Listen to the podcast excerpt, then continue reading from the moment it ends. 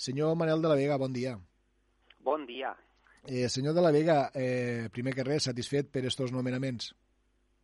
Pues sí, però eh, soc eh, conscient de la feina que comporta, perquè fixa't que soc portaveu en dos comissions mm -hmm. i la majoria de senadors són portaveus solament en una, no? Mm -hmm. i això significa que, que tindré que treballar més, que tinc més feina per, per, per endavant, però jo molt content, sobretot, eh, poder treballar en temes que conec i en temes també que tenen relació amb el territori, amb les Terres de l'Ebre, perquè al fi i a la cap jo estic allí també per a representar el territori i per a treballar justament per la gent d'aquí, per la gent de les Terres de l'Ebre.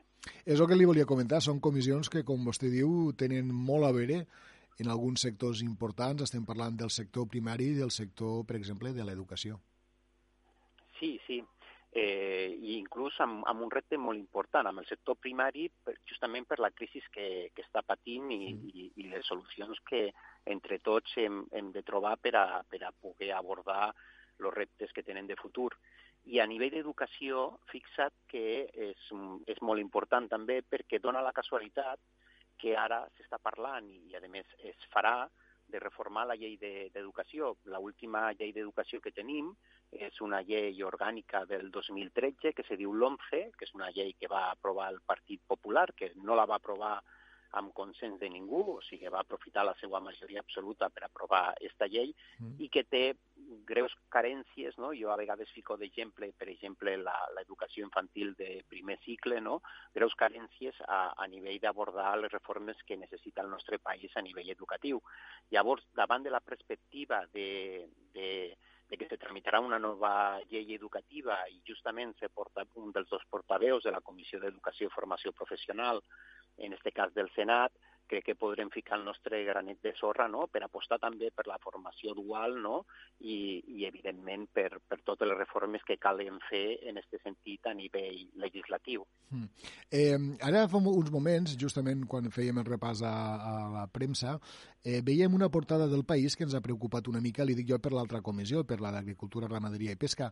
Eh, sembla que a partir del dia 20 comença una cimera en el qual s'ha de mm, tractar pels països membres de la Unió Europea el futur pressupostari del sector mm, dintre de tota la Unió i sembla que serà un futur una mica magre perquè eh, serà el pressupost més restrictiu des de l'any 1988. Per tant, caldrà negociar no només eh, dintre del nostre territori, sinó també amb la resta de socis europeus. En eh, les polítiques comunes de la Unió Europea nos afecten directament tant a l'agricultura com també a la pesca. Eh, I lògicament, eh, mira, eh, t'ho he de dir, jo d'aquí uns instants marxaré cap a Madrid perquè justament esta tarda tinc una reunió amb el ministre d'Agricultura, Pesca i Alimentació i, i en aquesta reunió tenim que abordar justament aquestes problemàtiques que estàs ficant damunt la taula. Eh, T'he de dir també en aquest sentit que nos preocupa molt, eh, evidentment, la, la, la crisi que s'està produint a nivell també del sector de l'agricultura i hem vist aquests dies com eh, este, este problema de base, que no és un, un problema nou, però que, que evidentment ara s'ha ficat molt damunt la taula, que és el tema de lo que cobra el pagès i el que després eh, los preus, evidentment, que, que de lo que cobra el pagès a lo que després eh, paguem los, los consumidors a, a les grans superfícies, no? Que és un dels problemes que estem també abordant des de, des de, i que evidentment esta tarda suposo que lògicament el ministre nos aportarà informació nova de com se vol eh, afrontar aquesta problemàtica no?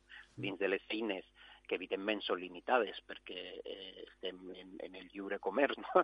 i això també t'implica no poder fer el que vulgues, no? però hi ha mesures que sí que, que se poden prendre i que ho farem. Eh, evidentment, la negociació amb la Unió Europea serà molt dura perquè fixat que no és l'única negociació dura que estem portant, sinó també a nivell de fons, per exemple, per al tema de la transició ecològica, eh, també evidentment als setans de països i països que també eh, tenen les seues dificultats, pues, s'ha de lluitar molt per intentar beneficiar el màxim possible, a, en aquest cas, a, al nostre país. No? Mm. Lògicament, eh, eh, hi ha països que segons en quins temes, no? quan parlem de transició ecològica, per exemple, amb el tema de, de l'ús del carbó, etc., eh, estarien en una situació pitjor que en altres. No? Llavors, a vegades també això fa que se beneficien de, de, de segons quins, quins fons, no?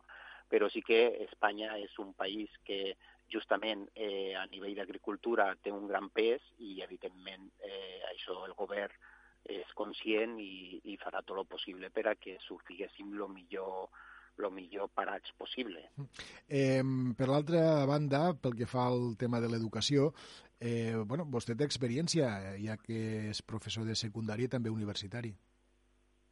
Sí, amb el tema de l'educació és, és un tema que eh, conec de primera mà perquè sóc professor del Departament de Pedagogia de la URB i, i evidentment, eh, o sigui, el que serien els estudis de grau d'educació infantil i educació primària, i, i a nivell legislatiu eh, nosaltres teníem una, una llei educativa, que era la LOE del 2006, que era una, una llei bastant completa, i que amb les reformes eh, que se van fer el 2013, és un, la llei de l'11 del 2013 del Partit Popular en realitat és una llei d'un sol article, no?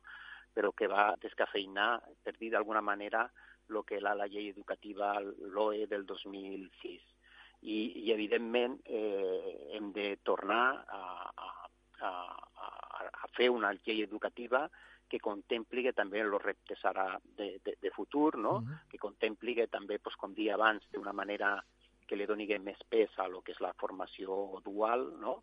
en formació professional, per exemple, que és el camp que jo ara eh, tindré més responsabilitat, i que sigui una llei que, a més, eh, garantisca l'educació des, de, des del minut zero, no? perquè hem dit sempre, tots els professionals, tots els psicòlegs i tots els psicopedagogs i pedagogs han dit sempre que l'educació és molt important ja des del principi, des de quan els nens són molt petits, no? de quan neixen, i que i tot això ha d'estar dins de, en aquest sentit de, de la, del nostre sistema educatiu.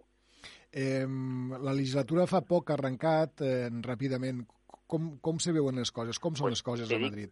Te, te donaré una novetat, no? perquè Digue'm. surt avui en nota de premsa, però te donaré una novetat. La primera moció que es presenta al Senat, la primera moció de, mm. de la legislatura, és una moció que pens, eh, el que volem és abordar tota la problemàtica que s'han produït per les últimes tempestes que hem tingut. Eh? I aquí mm. estem parlant de la, de la, de la tempesta Amelí, Bernardo, Cecília, Daniel, Elsa, Fabián i la última que és la Glòria, eh? que és la que hem viscut aquí amb més virulència al Delta de l'Ebre.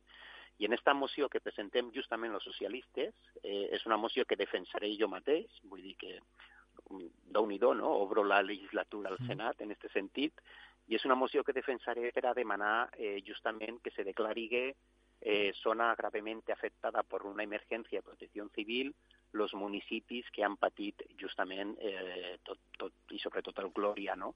I d'aquesta manera podrem articular tot un paquet de mesures, d'ajudes directes que podrem eh, donar, d'indemnitzacions i també de, de bonificacions fiscals, d'habilitació de, de crèdits extraordinaris, de la concessió d'anticipos directes per l'Administració General de l'Estat, etc etc, tot un paquet de mesures justament enfocades per als nostres agricultors, per als nostres pescadors, eh, per a, justament per als productors de, de mol·luscs del Delta de l'Ebre, seguirem... eh, justament per a les infraestructures municipals, etc etc. Seguirem, seguirem l'evolució de com va aquesta, aquesta moció que vostè defensa en aquesta obertura eh, del curs polític al, al Senat d'Espanya. Senyor Manel de la, senyor Manel de la, Vega, de la Vega, senador, moltíssimes gràcies per atendre la nostra trucada, sort i encerts, i fins una propera ocasió. Moltes gràcies, Josep.